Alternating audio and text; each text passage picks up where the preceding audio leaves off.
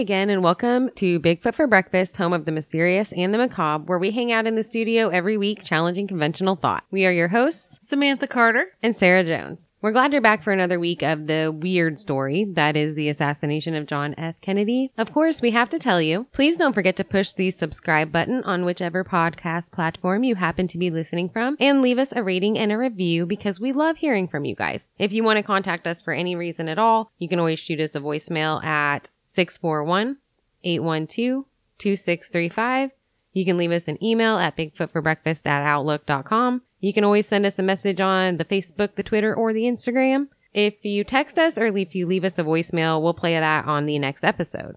So now that we got that business out of the way, we can move on to part two of the assassination of John F. Kennedy because I think we're all ready to get into the more questionable parts of that story. Wait, isn't all of it pretty much a questionable part of that story? Yeah, like pretty much every aspect of the entire Kennedy assassination is extremely questionable. So we can pretty much wrap it up then, eh? At this point, we don't Yeah. need to go any further. Yeah, just know that it's weird. It's feckin' weird. It is. And they're liars. Everyone, Literally all of them. all of them. Okay, for real, we'll tell you the story.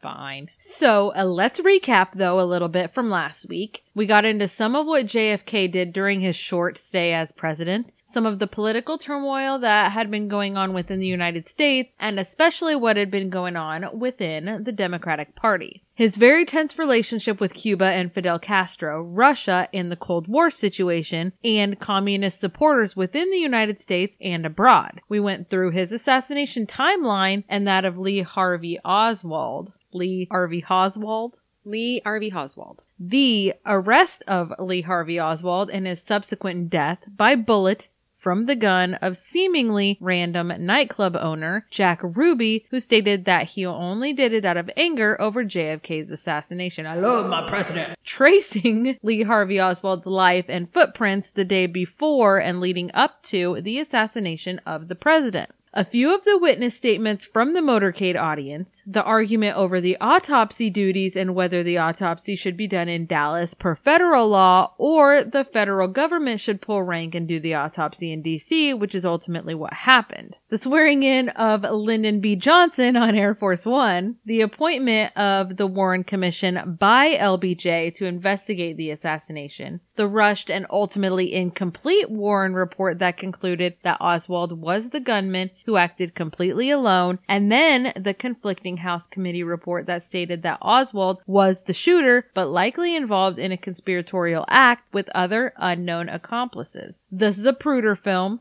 The Babushka Lady, strange deaths of people associated with the case, we mentioned a CIA agent named James Angleton and his weird presence around a couple of those deaths. there were various aspects of the situation that we've already gotten into. So if you haven't listened to part one yet, stop now. Just stop what you're doing. Walk away. Drop it. Stop. Drop. Shut them down. Open, Open up, up shop. shop. Rough Riders, go listen to the JFK part one. Part one.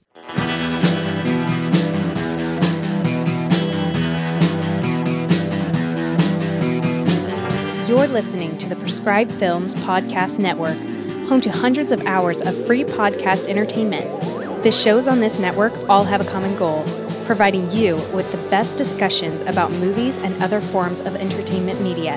The PFPN hopes to fill your earholes with audio joy. Visit our website with links to all the other amazing shows at www.thepfpn.com. Thanks for listening.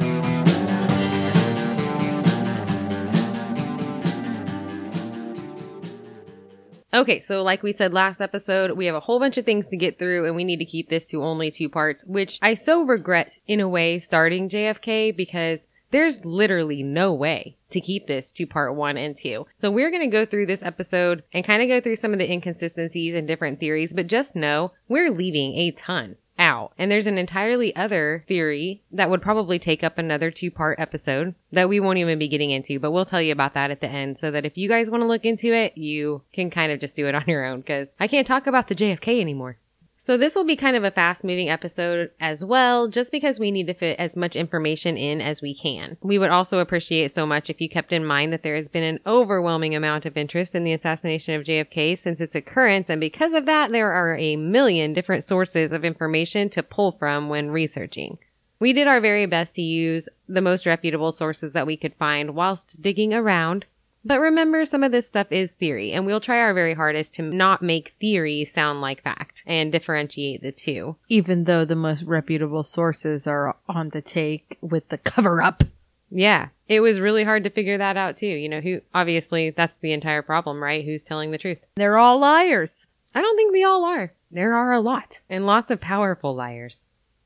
Dirty, powerful liars. The point is that the theories are abundant in this case, and we want to include a lot of them because they are definitely applicable and some even possibly valid, in our opinion, especially when a person considers the fact that almost everyone agrees that A, the autopsy was crap, B, evidence was mishandled, and C, subsequent investigations were rushed, and only a limited amount of witnesses with specific things to say were even considered for being on record. Those things seem to be universally considered true. So, those things in conjunction with the fact that dang near all of America questioned it in the first place left a ton of room for additional investigations and speculation. And that's what we'll be talking about today, as well as elaborating on a few of the points that we made in part one. So let's get right to it. We're going to lay this out by theory. So it seems to be mostly universally believed that Lee Harvey Oswald did pull the trigger. Obviously, the issue isn't necessarily whether or not Oswald was involved, but who else was involved and whether there was some other big reason that someone may have wanted JFK out of the political picture. Someone a lot bigger and more important who had the power to cover it up. Bigger than Oswald, right? Not bigger than JFK. Yeah.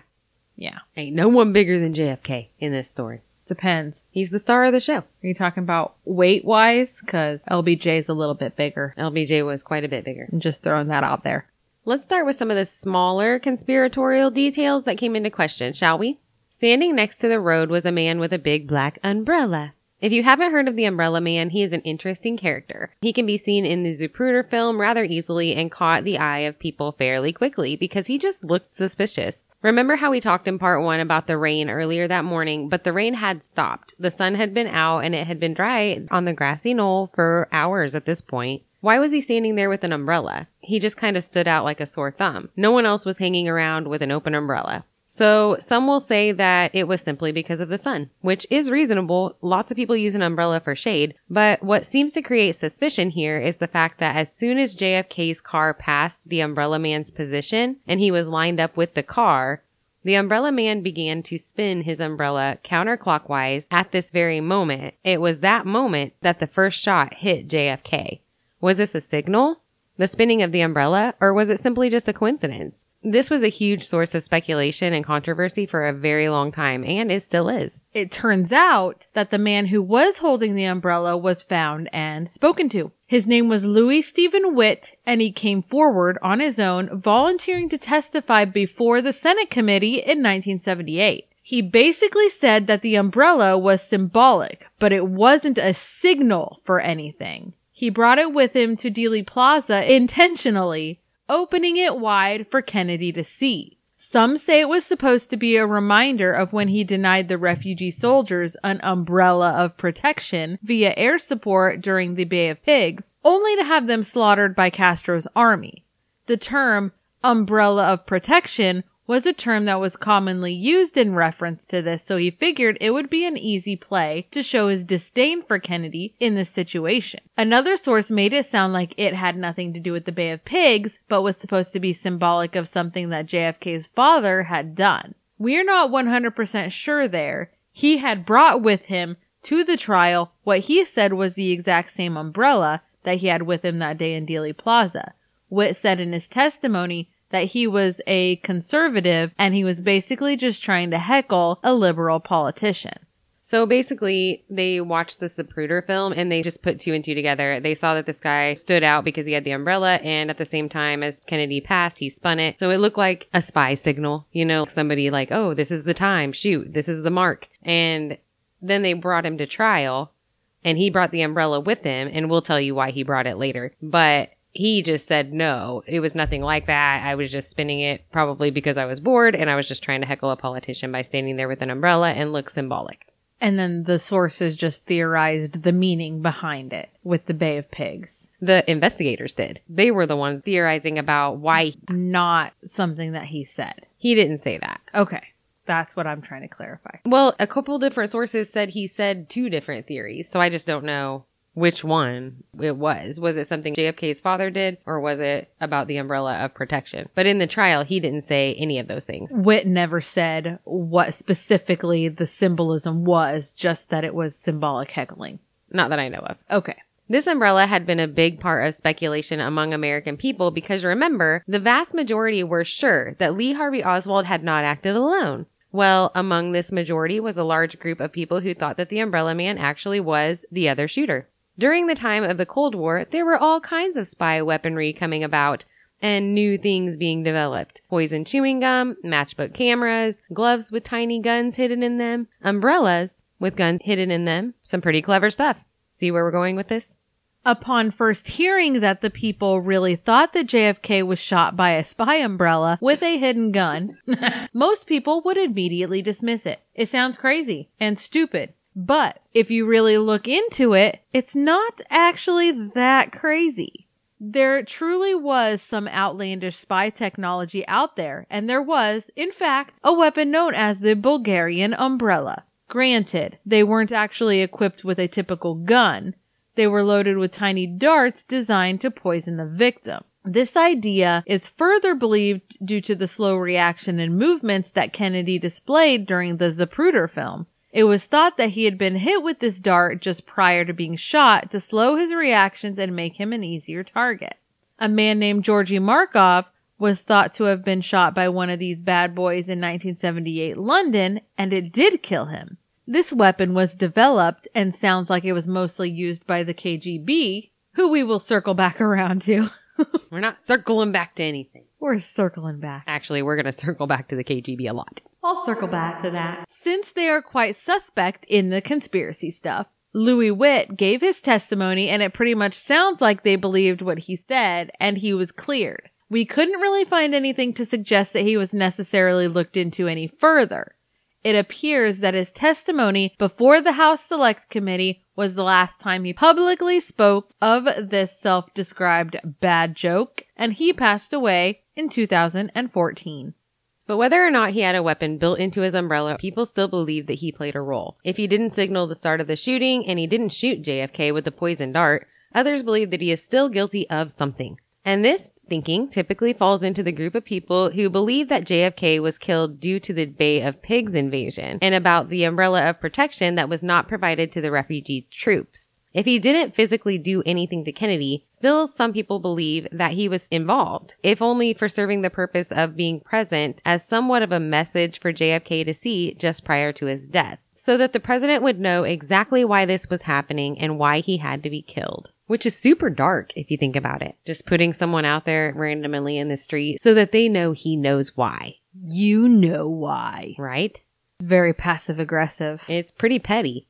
One theory to come into play would put the responsibility for JFK's death on the Soviet Union. We always want to blame the Russians. We do blame them for a lot. Which would make a lot of sense though with the Cold War still going on at this time. Just over one year prior to JFK's assassination, he dealt with the Cuban Missile Crisis in which an American spy plane discovered and took pictures of missiles being put up by the Soviets in Cuba. When JFK was notified of this, he had to figure out how to go about this the best way possible and avoid America being attacked. But the Soviet Union didn't know that America knew what they were up to over there yet. Before doing anything, JFK secretly met with his advisors and didn't immediately confront Soviet leader of the Communist Party Nikita Khrushchev.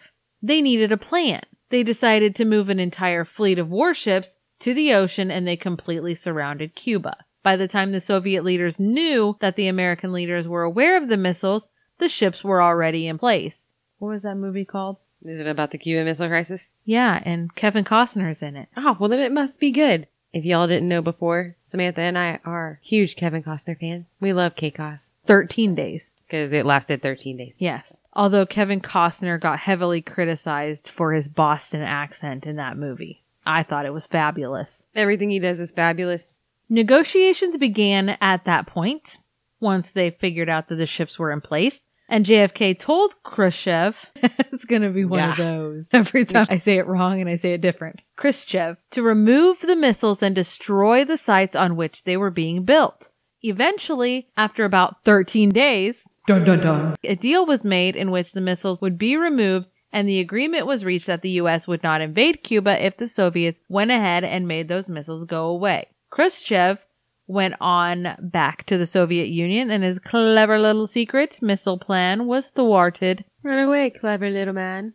It is believed by many that Khrushchev and the KGB were right at the heart of the entire assassination plan. Some thought that Khrushchev was angry and embarrassed by JFK's show of power at Cuba during the Cuban Missile Crisis and the disruption of his plan to get the upper hand on the United States. Obviously, Lee Harvey Oswald had tons of connections in the Soviet Union, as we talked about in part one. Oswald had served there in the Marines and even tried to defect to the Soviet Union, and his wife Marina was a Soviet native who had come back with him to America. All of that was enough to get you on a watch list by the Americans and maybe even a good Soviet spy job during the Cold War.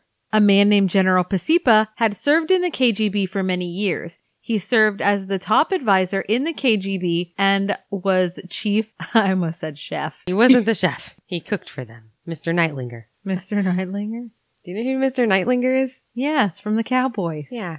He made sugar tits. And the biscuits. Sugar tits. We're burning daylight. That wasn't Mr. Nightlinger. That was John Wayne. He was not the chef. He was, in fact, the chief of the Romanian Secret Intelligence Service. He was the highest ranking intelligence officer ever to defect from the Soviet Union. He defected to the United States in 1978 and came with a story to tell. He told U.S. intelligence officials about Lee Harvey Oswald's deep connection with the KGB and seemed to have plenty of proof. It's not that hard to believe, really. He went there to serve in the Marines and must have decided that this was the side he wanted to be on. Because like we said to, like we said before, he tried to stay. Like we said it before. I don't know why that was so funny. Somewhere between our bad movie accents and rampant giggles, this episode might be hard to listen to. oh, yeah. He only ever came back to the United States reluctantly because his visa ran out and he had to. The CIA and FBI had plenty of evidence themselves that show that he was constantly trying to contact the Soviet Union. He was sending letters, making phone calls, and going to the embassies. It actually looks pretty reasonable. According to Pacepa, Khrushchev had ordered the hit on JFK, but just before it was set to happen, he tried to change his mind. The Soviet Union had been caught engaging in a couple of other high profile assassination attempts, and Khrushchev decided that maybe they should lay low for a while. This was probably resulting in some pretty negative publicity. They tried to stop Oswald, but obviously they didn't get it done. It's well known that the immediate reaction of the Soviet Union to JFK's assassination was to get right to blaming Lyndon Johnson. They claimed that LBJ was behind the entire assassination plan. In CIA documents released in 2017 under the Trump administration, a memo from FBI Director J. Edgar Hoover stated that the Soviets believed that this was the work of a, quote, well organized ultra right conspiracy. The memo went on to state that our source added that in the instructions from Moscow, it was indicated that the KGB was in possession of data purporting to indicate President Johnson was responsible for the assassination. The Soviet Union went on to claim that Lee Harvey Oswald was a maniac who was not loyal to anyone while simultaneously denying any connection with him. So was Pacepa correct in his claim that Khrushchev recruited Oswald to do his dirty work? Is this why Khrushchev immediately started pointing fingers at the American government to try to keep eyes off of himself? That's exactly what Pacepa said. He said that when Khrushchev was throwing around accusations, he was really just covering his butt because he knew that if American leaders found out that there was a Soviet and KGB involvement in the assassination of their beloved president, it would risk the start of a nuclear war. And the American people would be demanding it. For the same reason, Johnson and other Americans didn't really want it to look like the Soviet Union had been responsible either. It actually benefited them more if the Soviet Union wasn't responsible. If it was proven that Khrushchev had ordered Kennedy to be killed. Another war would have to go off, and Johnson was a brand new president who had already inherited an ongoing war in Vietnam. The people were already mad about that one, and it was already wildly unpopular that he remained in it. But what would they do about all of those really expensive military contracts and money that was going to the Pentagon for Vietnam? Not only that, but for real, no one wanted a nuclear war. There's a whole lot more to this theory and more in depth information here that we can't get into because of time. But if you're interested in hearing about what Pacepa has to say, you can dive right in because Pacepa wrote a whole book about it. It's called Program to Kill and it goes into detail about the Soviet intelligence methods in order for the reader to get a good understanding of the entire situation. It sounds like a super interesting read. Another KGB agent named Yuri Nosenko defected to the United States from the Soviet Union after the assassination. When he got here and spoke with the American CIA, he ended up being interrogated almost right away because he ran into someone familiar. A CIA agent here in America that he knew previously from the Soviet Union. This man, once a KGB defector turned CIA agent, and he had built up a lot of trust with his colleagues here in America. So when Nosenko came in and started accusing him of being a double spy, it went rather badly. It turned out that Nosenko spoke with a very specific CIA agent who we mentioned before in part one, Mr. James Angleton. Remember, he was the agent that was randomly found in the previously murdered witness's apartment looking for something. He was also the CIA agent that took the manuscript of a book about the JFK assassination that was being written by another recently murdered former CIA agent and returned it to his family with a lot of the pages missing. While questioning Nosenko, Angleton decided that he just didn't believe him. So he put him in jail. Nosenko was placed in solitary confinement with no human contact for three and a half years. He was also forcibly given LSD at one point while in confinement and almost died. He was completely tortured. At the end of that three and a half years, he was released and exonerated of all charges. Was Angleton covering for the ex KGB agent that really did know or do something related to the Kennedy assassination? He seems awfully involved in a bunch of shady acts related to this case. It was noted that just before the assassination took place, Lee Harvey Oswald had made a trip to Mexico City. While he was there, he visited the embassy and requested a visa to the Soviet Union by way of Cuba. It turns out that the CIA had already been watching Oswald. They had been running surveillance on him for quite a few months, and he wasn't exactly at the top of their radar. It sounds like they were mostly keeping an eye on him because he had tried to defect to the Soviet Union, and then he came back to America with a Russian wife while the Cold War was still in full swing. His involvement in the New Orleans Fair Play for Cuba group didn't help either, even though he was actually the only member in New Orleans, supposedly. They had been reading his mail and having him spied on from about 1959 to 1963. It seems that he was taken off the CIA watch list merely six weeks prior to the assassination, which is really coincidental, isn't it? When Oswald went to Mexico City, the CIA was notified by the Mexico City office that Oswald had been in contact with a known KGB officer named Valery Kostikov who was thought to be an assassin. At the request of CIA agent James Angleton, the CIA sent a message back that was intended to mislead the Mexico City staff. On October 8, 1963, a CIA agent named Marvin Gheesling, who had been tracking Oswald, sent a memo out to take Oswald off of the FBI watch list. Apparently, the CIA would add people to the FBI watch list because they often work together on matters of national security. He stated that he had only been meaning to keep Oswald on the list while he was in Russia and that he meant to remove him after his return to the United States. But this doesn't make any sense because they would have kept him on since Marina came back with him from Russia. Not only that, but Gheesling had signed off on a document that notified him of Oswald being arrested that year during a fight while he was handing out flyers for the Fair Play for Cuba group. So they knew that they were still watching him. Why take him off suddenly after this incident, just weeks before the Kennedy assassination? Of course, since he was removed right then, the FBI wasn't notified about Oswald trying to contact the KGB agent in Mexico City. So, from what I understand of this, there's the CIA watch list, but it goes on to the FBI watch list. So it seems like they took him off the CIA watch list, but they were still watching him. But since they took him off, it didn't notify the FBI. You know what I'm saying? So the CIA still knew where he was and was still watching him, but the FBI wasn't getting those notifications. During this time, they were keeping a very close eye on anyone who might be involved with the Soviet Union. Even actors, actresses, writers, anyone. It seems completely unbelievable that a man like Oswald, who was actively trying to defect to the Soviet Union, trying to bribe the Soviet Union by telling them that he would share U.S. Marine information with them, and then when he was rejected, came back with a wife from Soviet Russia during the Cold War with Soviet Russia. And then when he got back to the States, he blatantly involved himself in a ton of pro-communist activities. There's no way they were just not interested in Oswald anymore. So were they covering up something that he was doing that might benefit them or something that he may be doing at their request? Did they take him off of the watch list and erase any ties that they might have with him to make it harder to trace his activities back to any association with the CIA? Highly suspicious. Very. Some other people of note will state that Oswald was never in Mexico City at all, but was made to look like he was. Some descriptions of him vary, and several witnesses say that the man arrested in Dallas is the man they saw at the embassy in Mexico City, and some will say that they are sure that it's not the same man. We know that this seems somewhat trivial because witness statements vary in almost any situation, but it will come into play later. One witness, Sylvia Duran, was working at the consulate in Mexico City and dealt with Oswald, who, like we said, was trying to get a visa to go into Cuba and then end up in the Soviet Union. She told him that he had to go to the Soviet Union embassy to secure that visa first and then come back to get the visa for Cuba taken care of. He left for a while and then came back later, almost into the evening, claiming to have secured the Soviet visa. But when Sylvia asked for it, he didn't produce it.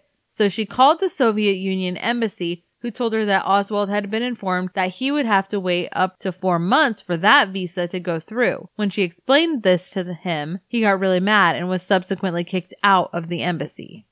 After the assassination, Sylvia Duran went through a number of interrogations, which ultimately seemed to indicate that the authorities thought that she was likely innocent. The Warren report really only seemed to mostly rely on this information obtained from Sylvia Duran's interviews regarding Oswald's trip to Mexico City and almost nothing else. One document that had been released to the CIA archives was sent from our American CIA to Mexico City states, quote, our present plan in passing info to the Warren Commission is to eliminate mention of telephone taps. So the CIA didn't exactly seem to have turned over all the information that they had to the Warren Commission, which also seems weird for the CIA to not disclose everything that they knew related to Oswald regarding the assassination of an American president. But that isn't all the CIA and the FBI was holding from the Warren Commission. Here, CIA agent James Angleton comes into play again. He was apparently the main source of information from the CIA to the Warren Commission. It was later revealed years after the Warren report came out that Angleton had left out a lot of really important details. The biggest one was that the CIA was involved in direct plots to actually assassinate Fidel Castro. They had been trying actively to assassinate him. They had tried poisoning him, sending people to Cuba to shoot him.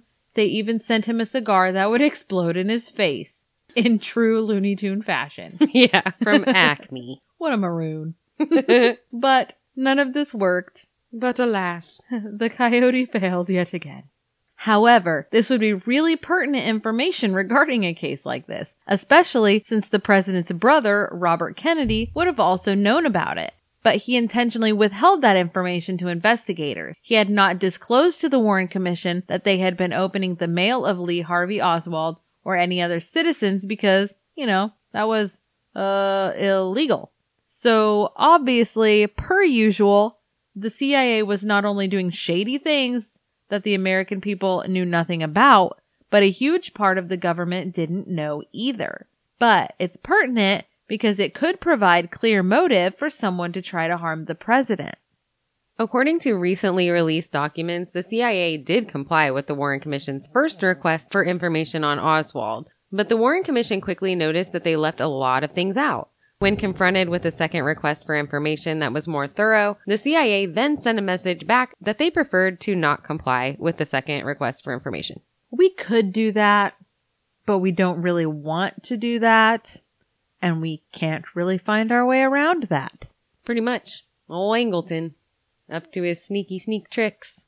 It's really notable that Soviet leader Khrushchev, damn it, it's like spelled exactly like what it says, even. Krusty Krab. no. It's really notable that the Soviet leader Khrushchev went straight to accusing LBJ of being behind the murder of President Kennedy. It's not only interesting because it looks like he was trying to divert attention from his own country, it was also interesting because it was absolutely true. No, I'm just kidding. He isn't the only person who said this. because it's absolutely true. In fact, so many people right here in America believed and still believe that Johnson is the person ultimately behind the killing. Think about it. LBJ ran on the Democratic ticket with Kennedy the first go round and they won. He was vice president. Before that, they served in the Senate together and they didn't exactly see eye to eye and were often seen as rivals. Johnson was even initially running against Kennedy for the Democratic nomination. But when Kennedy won the ticket, his campaign advisors thought that Johnson would be a good VP pick to garner more votes from the southern states by choosing a senator from Texas. A woman named Madeline Brown came forward claiming to have had an affair with Lyndon Johnson. She claimed that she attended a party with LBJ the night before the assassination and that J. Edgar Hoover, Richard Nixon, and other high profile government people were there. She says that LBJ leaned in close to her at one point and whispered into her ear, After tomorrow, those goddamn Kennedys will never embarrass me again. That's no threat, that's a promise. We're not sure if this is true or not, but it was mentioned in a number of the sources that we read through that Kennedy didn't even want LBJ on the ticket in the first place. LBJ and J. Edgar Hoover were pretty good friends, and it was said that Kennedy was threatened and blackmailed into putting LBJ on the ticket under the guise of party unity. If he didn't, all of Kennedy's affairs and indiscretions would be put on display for all of America to see, including his affair with Marilyn Monroe. If you think about it, this would only put one thing in the way of LBJ achieving presidency Kennedy. So who would stand to benefit the most from his death? Who indeed?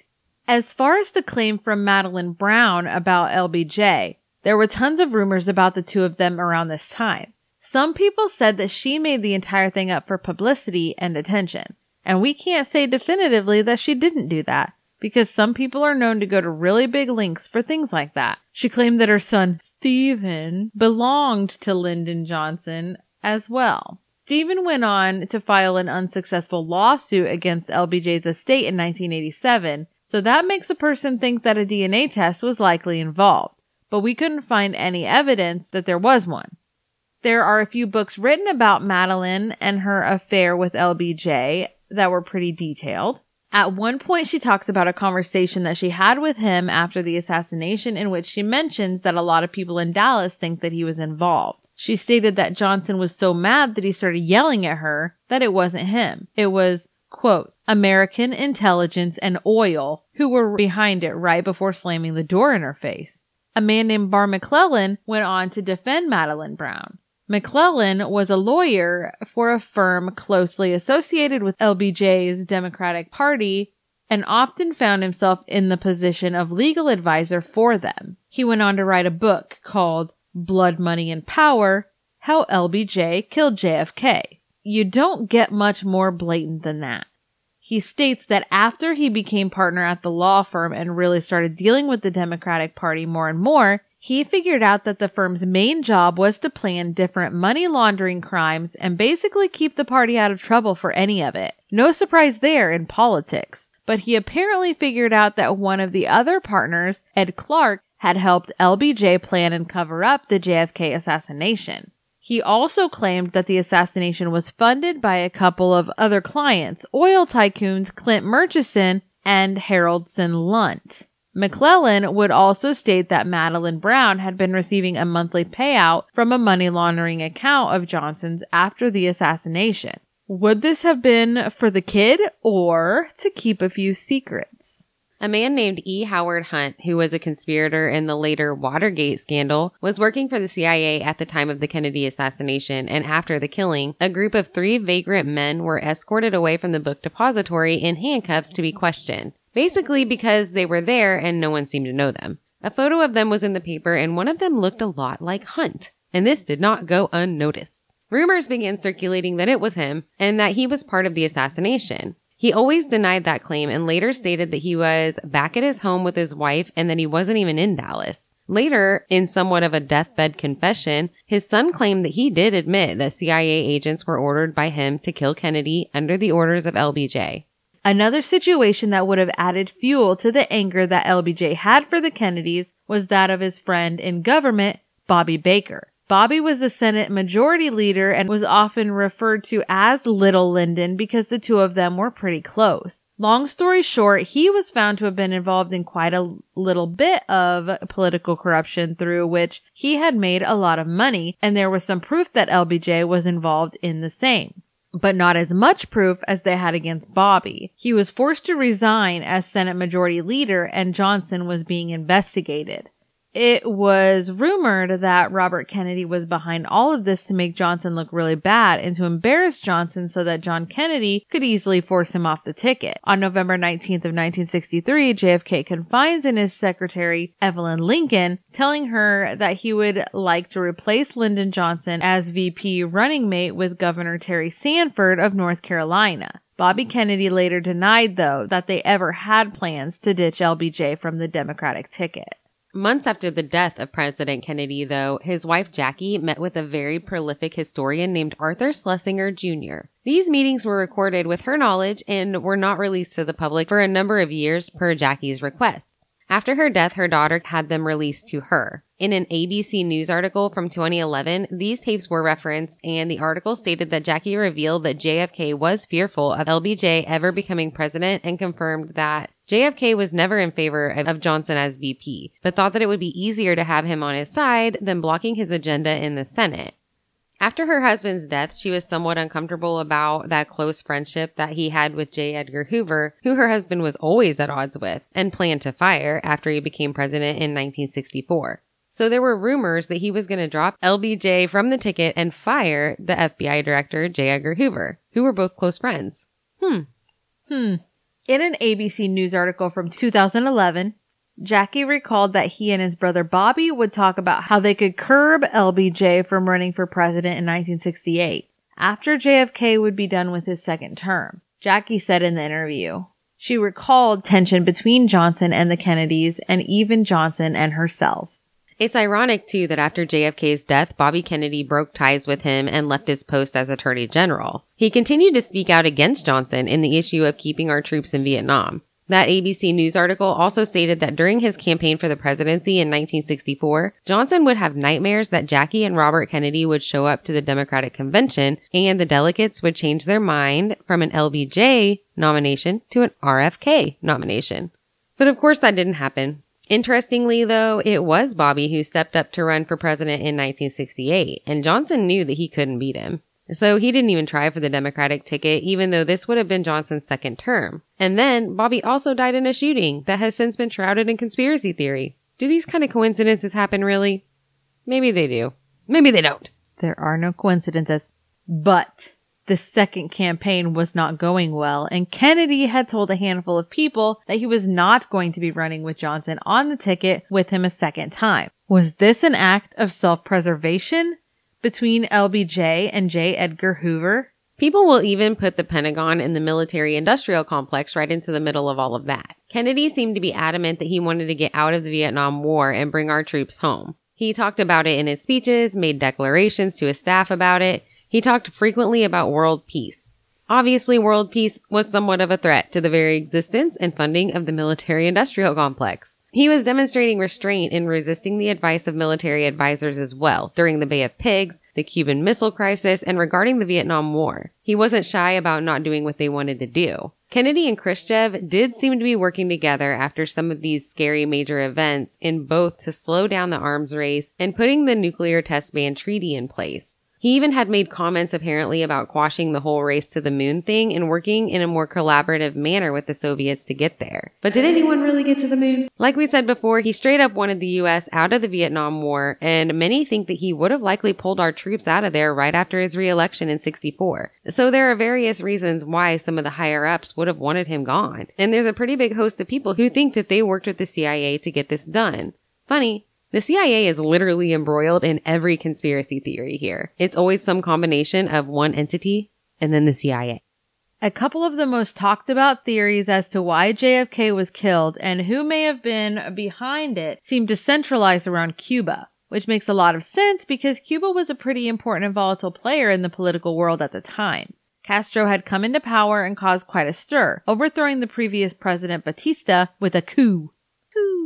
The U.S. was dealing with people coming here to escape the severely communist Cuba, and we had been trying to help these refugees get rid of Castro. We talked in the Robert Kennedy episode about how the US sent planes over to Cuba disguised as Cuban planes and manned by Cuban people that were trained by us to fight Castro, which was a pretty big fail. And then we've already talked about the Bay of Pigs invasion, which was an even bigger fail. We've already discussed some reasons why this made some people mad. Cubans were mad that the US seemed to leave the refugees that they sent in high and dry. And the CIA and members of the military were mad because Kennedy didn't listen to the generals and the CIA when they said to send in the air support. But there were other reasons why people were angry. Not because it put innocent people in danger and we failed to help them, even though Kennedy publicly took the blame for this situation. He blamed the CIA behind closed doors.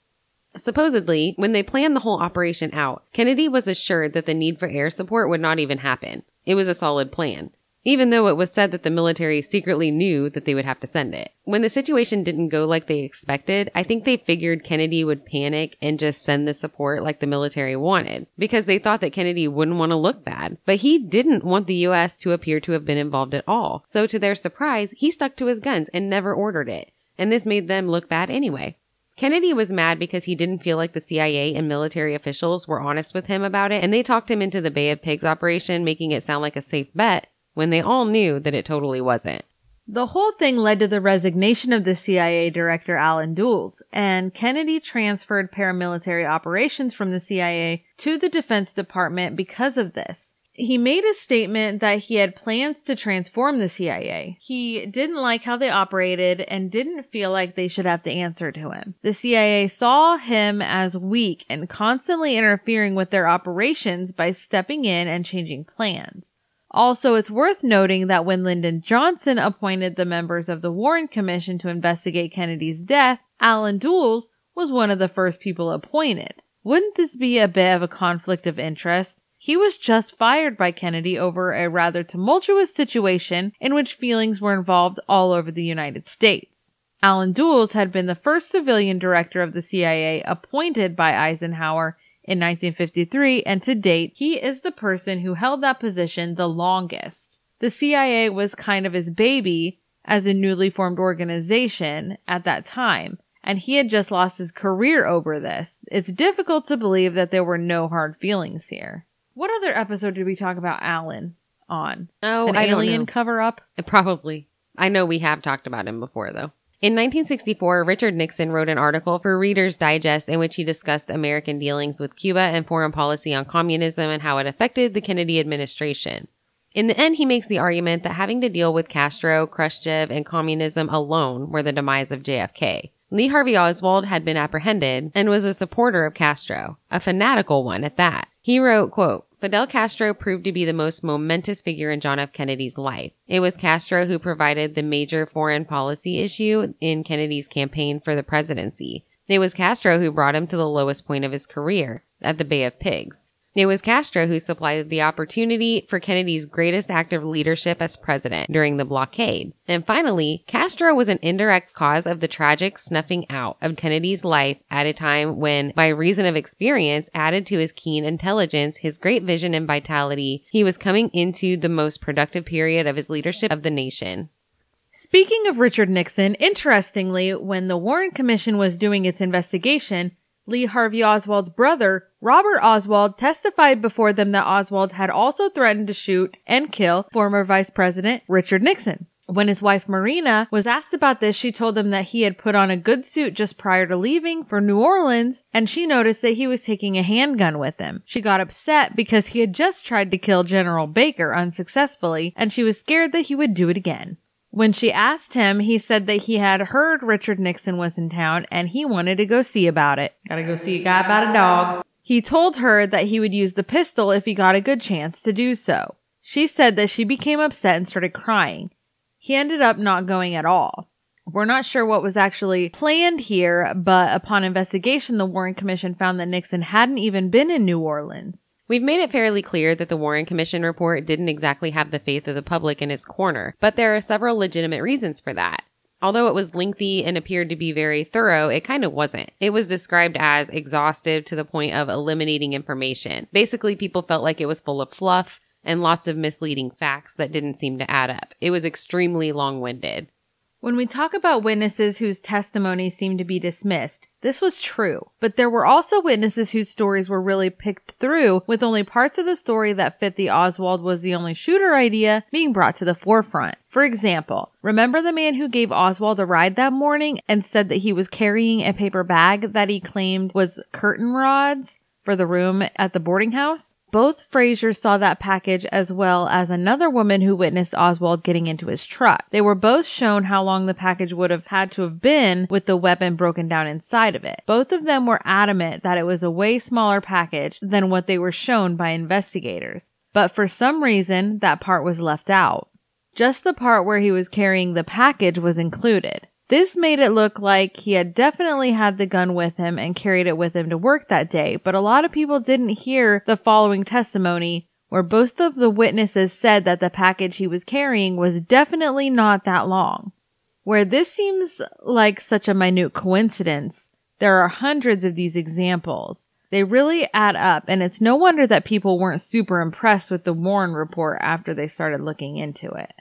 The autopsy was also largely in question. With regard to this evidence, people in charge had to have been deliberately throwing things away and interchanging evidence, or they were really, really incompetent and bad at their jobs. In the beginning, the White House officials argued with the Dallas officials who would do the autopsy. In the end, the White House won. Dr. Humes ended up being the prosecutor who oversaw the autopsy. He wrote his report, and then a few more reports were done over the years following by other people, and they all seemed to contradict each other.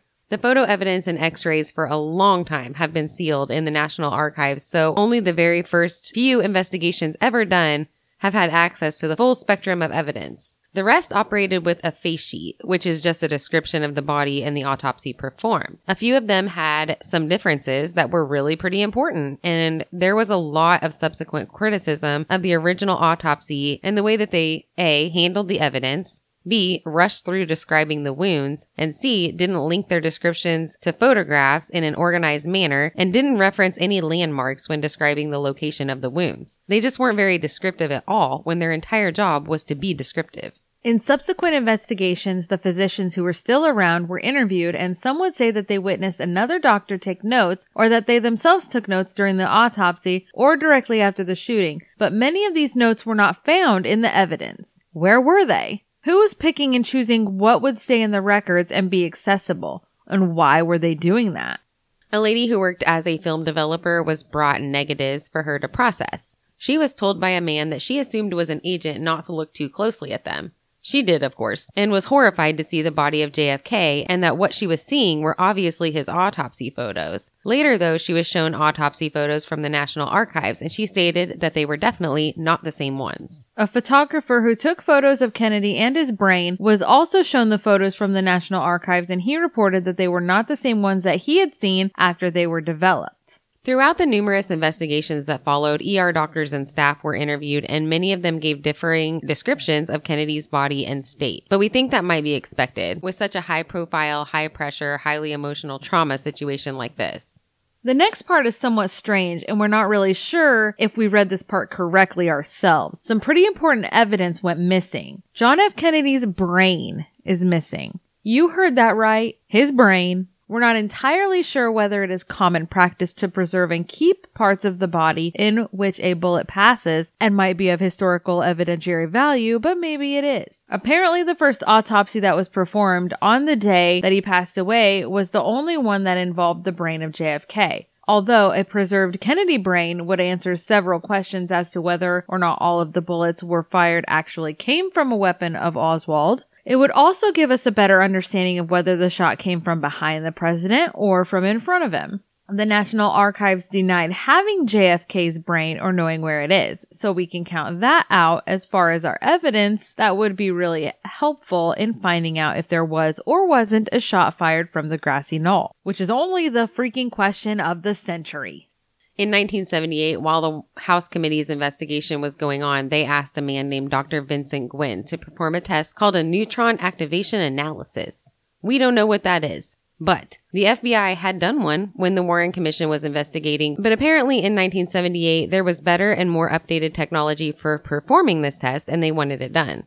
When he went to the archives, he retrieved what he was told were the only two bullets left for the case. But the weights of these bullets didn't match the weights of the ones recorded into the archives in 1964. And it was later discovered that the original fragments were missing and had likely been replaced with test fragments at some point. The original bullet fragments were lost in the wind. They lost the bullets that were being kept as evidence in the John F. Kennedy assassination.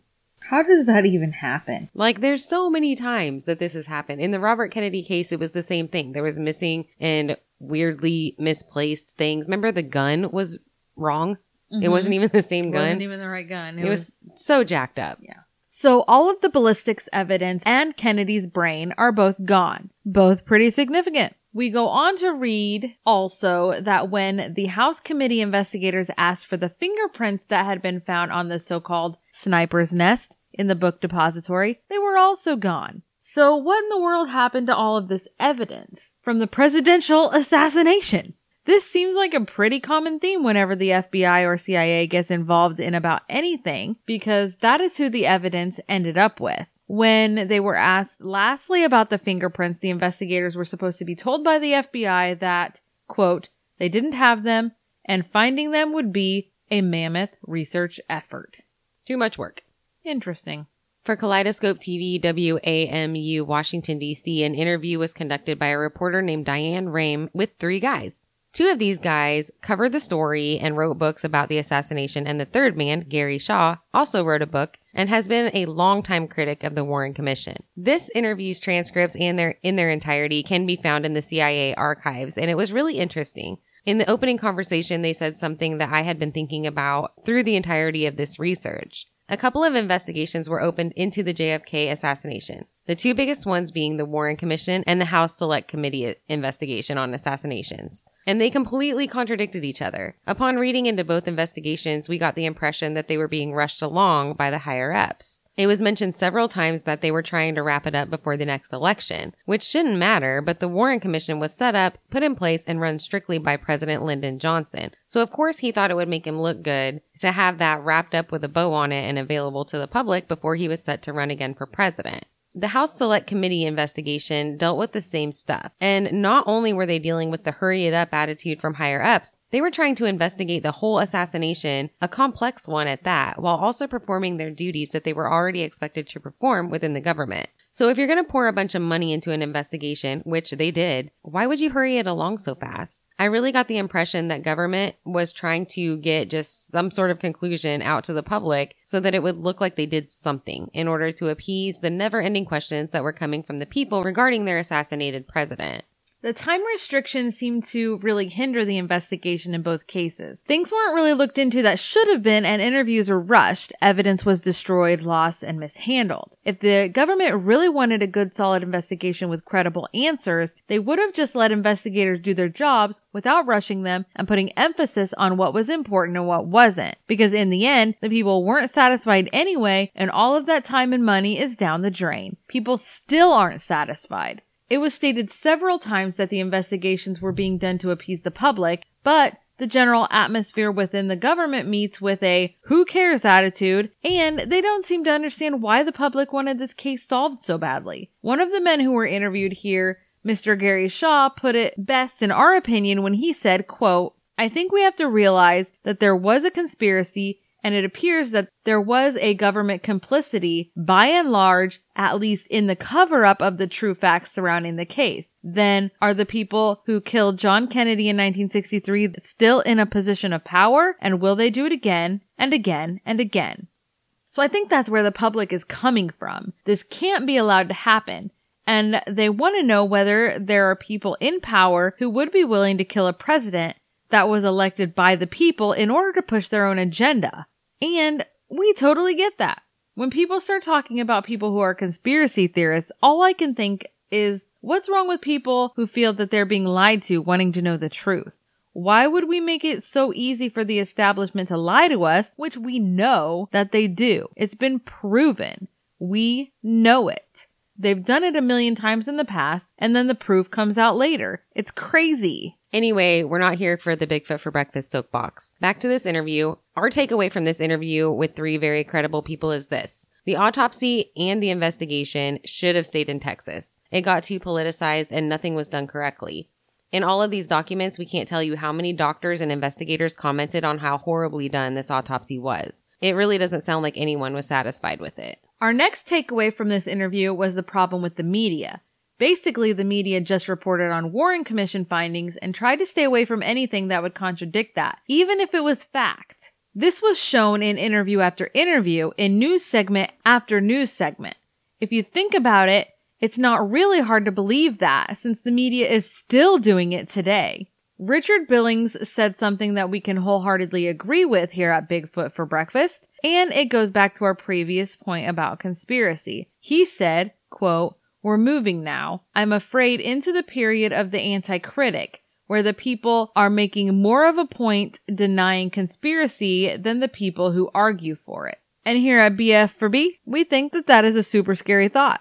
Yes, it is. Because the government has time after time proven not to be on our side. They've lied to us, they've hidden stuff from us, they've done things that are detrimental to us and beneficial to them.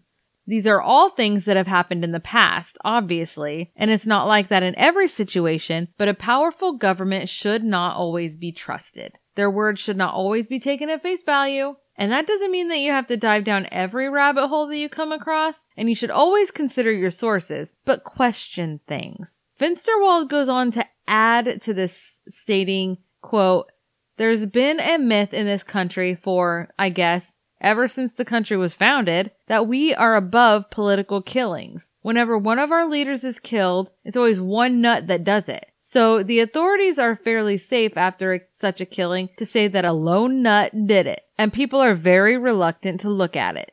For example, the Warren Commission denied that there was ever a conspiracy to murder JFK at all, except on the part of Lee Harvey Oswald. The House Select Committee on Assassinations came to the conclusion that there was likely a conspiracy, and then they just shut it down. Why didn't they take it further? Who conspired? Why? They seem to have just done no more digging. What implications would this have had for them?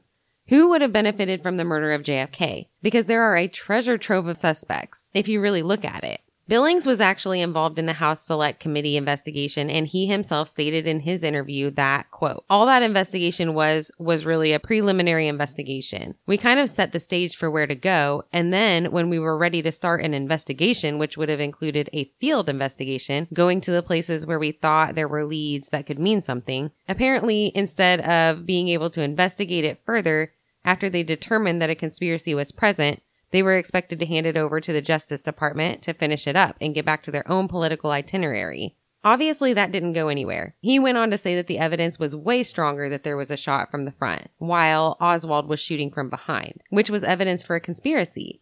Evidence from tapes that were never put forward, like the police officers that could be seen running to the area on the grassy knoll, or people screaming that there were people shooting from behind the bushes, but that was never addressed. It wasn't addressed by the media. In fact, it was discounted by the media, and that's who the people listened to. Fensterwald makes the comment that he believes that the decision was made right away that it was going to be a cover up, and then goes on to compare the government to a little boy who tells a lie, stating, once he tells it, he has to keep on lying. A whole host of people think that Lyndon Johnson was the man behind the curtain, pulling the strings in the Kennedy assassination, but Billings had a good point. If he wasn't, and it wasn't a foreign power, he still had just as much reason to cover that up. The US was already embroiled in trouble with various communist countries. If the people found out that one of them had their president killed, they would expect immediate action, and that would have put us right in the middle of an international crisis and another war. Billings stated that J. Edgar Hoover had also been in Johnson's ear immediately trying to convince him that Oswald was the only shooter and that he was wasting time and money on investigations. He seemed to be a huge advocate for not investigating, and when the Warren Commission sent out investigators to do the legwork, who do you think they were? Well, if you said the FBI agents who worked for J. Edgar Hoover, then you would be correct. Correcto. Correctamundo. Then there was the matter of the CIA. It was around this time that it came out that the CIA had engaged in very, very questionable acts attempting to assassinate a world leader themselves, Fidel Castro. Not only that, it was thought that the CIA hired members of the mob. There was proof that Sam Giancana and Johnny Rosselli were involved in it. There is truth behind some of that. The CIA was later proven to have worked with the mob in different situations, including operations in Cuba to assassinate Castro, which was not an okay thing. But it wasn't known until much later after the assassination, and of course the CIA didn't disclose this information to the Warren Commission. JFK and his brother were going against organized crime as well, and it's thought that maybe a renegade group within this mission may have simply turned the gun from Castro and aimed it straight to the president. Since it wasn't known to the public and they wanted to continue keeping it a secret, uncovering this would compromise everyone, including Robert Kennedy, since they had been working with the mob. In the words of one of the men in the interview, they didn't want the American people to know that they were running a murder incorporated in the Caribbean. So they just swept it away and pushed that Lee Harvey Oswald was the only shooter. People only became more suspicious of the CIA over time because they were constantly coming out with what had been lie after lie, and after a few members of the CIA were found to have been involved in Nixon's Watergate scandal that led to his ultimate resignation and time in prison for those CIA members, no one seemed to have any faith in the CIA anymore. Or the government for that matter. So it's no wonder that there were all of these theories floating around. Basically, when it comes down to it, there are several entities who had reasons and means to be involved and commit this assassination. The question is, who done it? Which combination of people was it? We're sure that you can understand, as we do, that a few of these theories as to why JFK was killed in Dallas were completely solidified after the subsequent killings of civil rights leader Medgar Evers, Martin Luther King Jr., and finally JFK's younger brother Bobby, they were all gunned down in public arenas. A huge amount of American people never believed that these were separate acts in which the perpetrators acted alone. This was orchestrated in their eyes, and there was so much more to it than they were being told, and it always just pissed them off. Understandably so. Some people believe that Oswald didn't kill Kennedy at all because he actually liked him. But does Oswald liking Kennedy as a person and agreeing with some of his values take away from what Kennedy was doing against communism? which is another thing that Oswald was personally emphatic about, possibly even fanatic about. Kennedy was certainly a threat in this aspect, but if people think that Oswald didn't kill Kennedy at all and was really just a patsy, how does that explain all of Oswald's movements, the evidence against him, witness statements giving his description? You know? You know?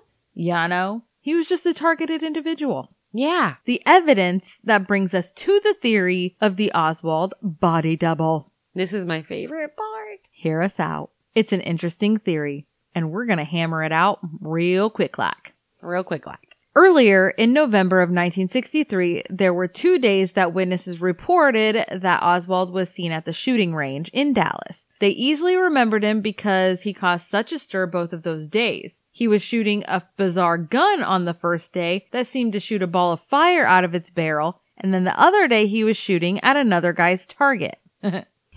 sure, that was really annoying. But Oswald was also put at home on one of those days for the entire day and then at work at the book depository on the other. So it was initially thought that the witnesses at the shooting range were mistaken, even though they insisted that they weren't. On November 9th of 1963, the same week as the shooting range incidents, a man at a car dealership says that he went with Oswald to test drive one of the cars. He told cops that he was sure it was Oswald and he was driving crazy the whole time and telling the salesman that he was about to make a lot of money here in a few weeks. Several employees of the car dealership backed him up that it was Oswald who test drove the car, but Oswald didn't drive. He didn't even know how to drive and witnesses from the boarding house put him there that day. Hmm. Right? Even weirder is that a man named Robert Vinson, who was a former U.S. Air Force sergeant, stated that on the afternoon of the assassination, he got on a cargo plane to hitch a ride from Andrews Air Force Base to Colorado Springs. He noted that it wasn't unusual for military personnel to hitch free rides on cargo planes. This one actually didn't look like the typical Air Force cargo plane, though. It was empty of Air Force markings. Mid flight, It was announced overhead that the president had been shot, and the plane went off course, turning to the south and then after a while landing on a patch of land between Dallas and Oak Cliff. At that point, he said that two men boarded the plane wearing beige overalls and neither one of them spoke or acknowledged him. The plane took off again, and when it landed, he was surprised to find out that he wasn't even in Colorado Springs, but at the Air Force Base in Roswell, New Mexico. After he finally got to Colorado Springs, he sat down to watch television, and of course, they were still talking about the assassination. When Oswald's photo came up on the TV, Vincent immediately recognized Oswald as being one of the men who boarded the plane outside of Dallas. A few years later, Vincent began working in an administrative role for the CIA and was sent to a secret Air Force base outside of Las Vegas. Upon arriving there, he noticed planes at that base looked identical to the one on which he'd hitched a ride.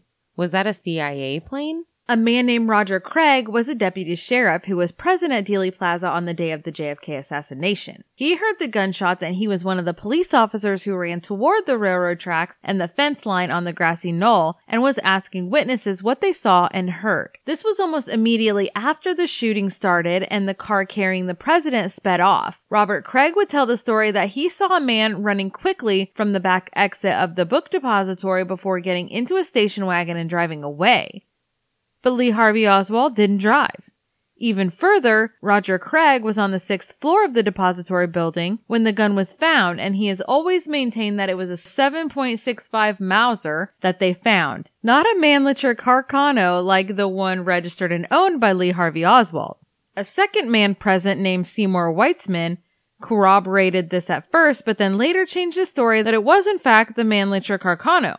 Roger Craig would later be fired from the police department in 1967 for discussing the issue, and later that year, he would be shot while walking out in public and survive. He would also be badly injured six years later while driving down a mountain road and being forced off of it by another vehicle. He would be shot at again in 1974 while in Texas and then be badly injured when his car exploded. In 1975, he did pass away from what was ruled to be self-inflicted gunshot wounds. Seriously, though? They Ethan hunted him for like years. I can't anymore. If he even actually did that and they just didn't do it and frame him well, I don't know why my mind didn't go that direction. Yeah, you're right. they Epsteined him because Epstein didn't kill himself. Right. If we haven't cemented that throughout the last 20 episodes. Epstein did not kill himself. I am starting to wonder if Epstein is not still alive. There's all kinds of things going on. WWHCD. Is he on the island? There's probably a bad island. It's probably more like Elba, like where Napoleon had to go. Maybe it's where Tom Hanks is. Are they all still just sending him to Elba? More than one witness in the Texas theater claimed to have seen two men who looked similar being taken away by the police after the murder of police officer J.D. Tippit. And at around 2 o'clock, another witness saw Oswald sitting in a 1961 Ford Falcon acting strange at a location that was only a couple of minutes away from where Robert Vinson said that they had picked up the man who he thought was Lee Harvey Oswald on the plane. And remember, at 2 o'clock, he would be being arrested about this point from the theater. Or even maybe a little bit before that. So he would have already been on his way to jail. That don't make no sense. Well, it does if there's a body double. So basically, it seems that many people believe that a man, the man, who resembled Oswald was recruited to actually do the shooting from the depository, and Oswald was left there to be a patsy while the look-alike walked away. Based on all of these accounts, one could surmise that the Oswald look-alike was at the depository and shot the president before driving via the station wagon that he was seen leaving in to Oak Cliff where he shot J.D. Tippit and then went to the Texas Theater where they knew Lee Harvey Oswald was to lead the cops there before driving to the plane and leaving the area. I mean, he made himself a pretty good patsy. Well, that's why I hate this episode in a way because there's so much more. Because a lot of people say that he didn't do any of the things. Oswald was a guy who went to Russia with the Marines and probably did try to defect and he brought back a Russian wife. So this alone made him look like a good setup suspect. So the whole fair play for Cuba situation, because he's the only member in New Orleans, the only one. So why, why would he do that? And so they're saying basically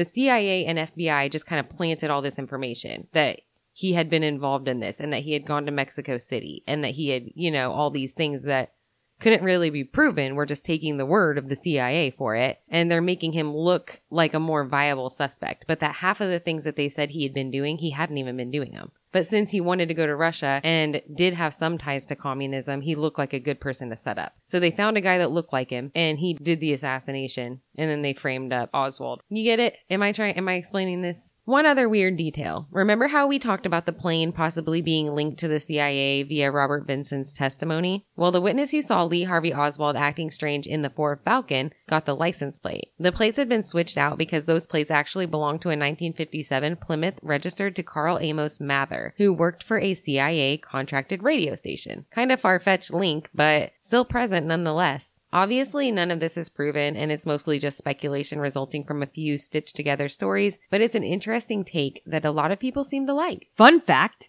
it seems that the murder of Officer J.D. Tippit was never formally investigated. District Attorney Henry Wade once stated of this, quote, I think we had enough evidence that Oswald did it. We never worked on any of Tippit's murder because there was no use making a murder case with the suspect dead. They were just like, yep, you did it, and that's it. There's nothing. But if this had been a big old conspiracy like the vast majority of Americans think, this would have been a huge help to lead investigators down the right path? Or did they not investigate it because the fact that it looks like Oswald killed a cop as well make it appear more plausible to the public that he had likely been the one to kill the president?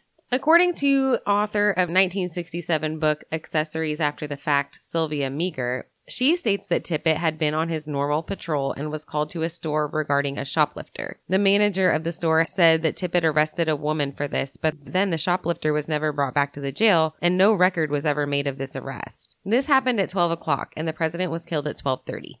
After that, he sat in front of a gas station for a while and then went into a record store at about 1 o'clock and appeared nervous as he used their phone. At this point, he was only about a block away from the Texas Theater where Oswald would be found by police. Oswald is seen walking down the street toward the theater at about 104, while dispatch has been radioing for Tippit and receiving no response. It is thought that when Tippit was in the record store using the phone, this is when dispatch was trying to get a hold of him. As witnesses saw Oswald walking toward the theater, a fight broke out, not involving Oswald, but an entirely separate fight near this area. Tippit was seen heading directly toward the area of the fight, and two people in the fight were stabbed. This was only two blocks away from Tippit. Neighborhood police stated that this fight was called in numerous times because a ton of people saw it happen, but there's no record of the phone calls being made to the Dallas Police Department.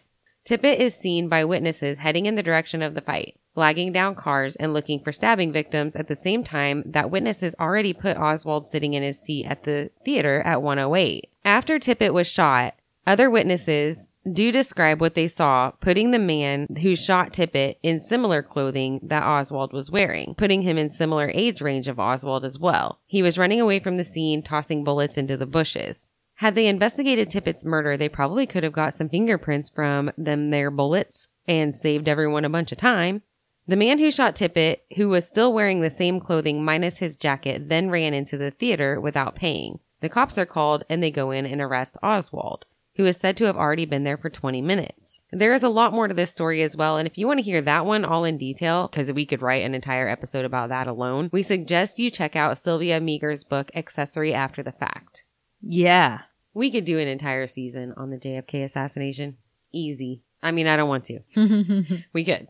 As time went on in 1992, another segment was done on the Kennedy assassination by CBS in which they stated that the Warren Commission still stands as official record. They say this without even mentioning equally qualified investigations that found different results, even the one done by Congress that did conclude that there was likely a second gunman and a conspiracy involved. Part of the reason the House Select Committee on Assassinations concluded that there had been two shooters is because one of the police officers had accidentally left his mic keyed and there was a recording of the events taking place as he was running around on the grassy knoll. And after audio specialists listened to it, select committee members listened to it, it was determined that four shots were fired. What? They did rule out the CIA and other U.S. intelligence and security agencies, but they didn't rule out organized crime and the anti Castro groups. But nothing could be proven. It was said that the very same day that Lee Harvey Oswald was shot by Jack Ruby, FBI Director J. Edgar Hoover had spoken with Deputy Attorney General Nicholas Katzenbach. Hoover seemed incredibly worried about any conspiracy theories that might pop up over the assassination of the president. He reportedly dictated a memo to LBJ stating that the thing I am concerned about, and so is Mr. Katzenbach, is having something issued so we can convince the public that Oswald is the real assassin. Why was he already worried about this? Maybe it was because Lee Harvey Oswald had denied doing these things over and over again and now he is dead. The public might use their own imaginations to fill in the blanks. Maybe it was because the CIA and the FBI had already lied and hidden so much information from the public with various other operations and projects that didn't exist that he knew that the public wouldn't immediately trust their word. Maybe it's because he already knew that there was a lot more to the story than what had been disclosed, and now that someone had stepped in and murdered America's suspect, it looked all that much more suspicious, and the CIA and FBI would have to work double time to make their case look very conclusive. Who knows? But the rush to smooth over PR before PR had even been really damaged looks mildly suspicious in itself. It's probably because he already knew that, you know, he didn't do it at all. Meh. Meow. As far as investigations go, it would be nearly impossible at this point. Not only due to the amount of time that has passed since President Kennedy was killed, because most of the important evidence is obviously gone. According to the CBS segment that we mentioned earlier from 1992, the entire brain is gone, along with any bullet evidence that may have accompanied it. Autopsy photos are gone, including those of the chest cavity, the skull x-rays, brain photos also gone. It was found that not only was the neck not dissected and investigated, but neither was the brain anyway. The entire roll of autopsy film had been exposed to light and ruined. The entire autopsy was incomplete, and what physical evidence they did have of it disappeared or had been mysteriously destroyed. The original physician who did the autopsy at one point admitted to burning the original papers and notes that he took during his autopsy in the fireplace of his recreation room. He was immediately questioned about why he did this, and he just seemed to think that it wouldn't be a problem. The report was done. Why would he need the notes? Which actually seemed to be somewhat reasonable, although a lot of people were incredibly displeased about it. So there you go. Obviously, the last two episodes have been an incredibly condensed version of the JFK conspiracy story. If you feel like diving in face first, we suggest you do it. It's a rabbit hole and there are a lot more details than we were able to give you here in a couple episodes. We aren't kidding about that. We didn't even get into half of the people involved in other theories. There was an entirely new investigation opened independently by a man named Jim Garrison. I can't not say Garrison. Mr. Garrison. Jim Garrison that we didn't even get into. And this is probably the most interesting one yet. The reason we didn't get into it is because it's so easy to read up on. The theory is so well documented and some of the others really aren't. You can even watch the movie JFK from the early 90s starring Kevin Costner if you want an actual good take on the Jim Garrison investigation and trial. It's incredibly interesting and eye opening, and it takes you down an entirely different road that we didn't even touch in our two part episode. Plus, it gives you Kevin Costner. So 13 days and JFK. You know, a lot of movies just kind of changed around for dramatic effect, which I'm sure the JFK movie was, but it seemed pretty accurate. And I guess they used his notes. His son gave him his notes from all the case. And so I really enjoyed it. I actually did watch that while researching because I had never seen it. And Kevin Costner. Most importantly. Most importantly, you can check out our sources that we have listed for this episode, and there are a few really good books that have been written about this case, and you that you could check out, and we will list them here as well. Um, not all of them because there's a lot, but we did list some in our sources. Thank you so much again for listening to our little show, and don't forget to recommend us to a friend if you think that they would enjoy it. I don't know why they wouldn't. We're fabulous. This concludes our series of the Kennedys, and next week we will be getting back to our regular lineup of missing people, paranormal happenings, creepy history, alien encounters, and anything else that is weird enough for us to find interesting and share with you guys. Don't forget to push the subscribe button on whichever podcast platform you happen to be listening from and leave us a rating and a review because we always love hearing from you. Contact us at bigfootforbreakfast at outlook.com message us through Facebook, Twitter, or Instagram, or leave us a good old fashioned voicemail at 641-812-2635. We'll play that on the next episode. We'll see you next week.